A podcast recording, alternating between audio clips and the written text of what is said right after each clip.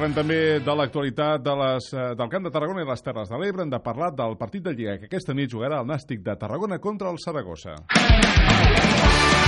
És una bona oportunitat per deixar l'últim lloc de la classificació davant del colíder de la classificació de segona. El Nàstic espera aconseguir la primera victòria a la Lliga de la temporada i trencar la ratxa de dues derrotes consecutives.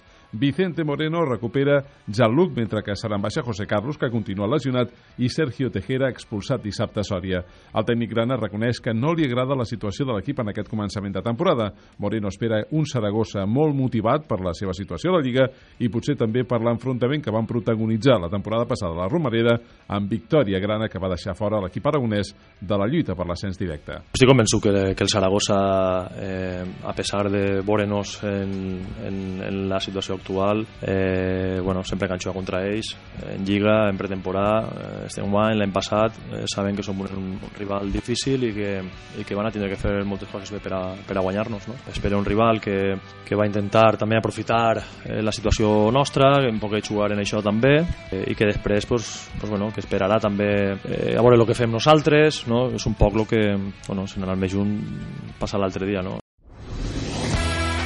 En handbol, bon començament de Lliga per l'emposta femení que es va imposar l'Elda per 25 a 21 la primera jornada de la divisió d'honor plata.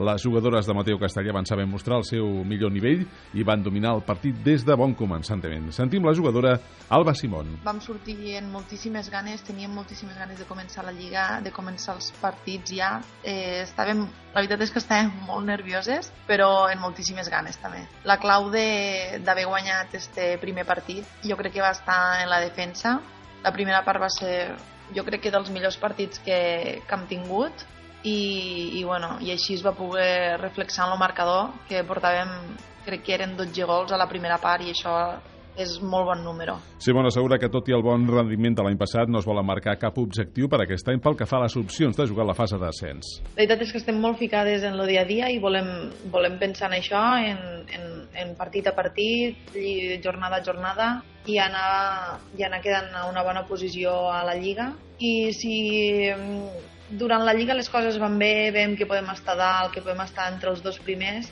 doncs llavors jo crec que, que els objectius ja aniran, ja aniran sols.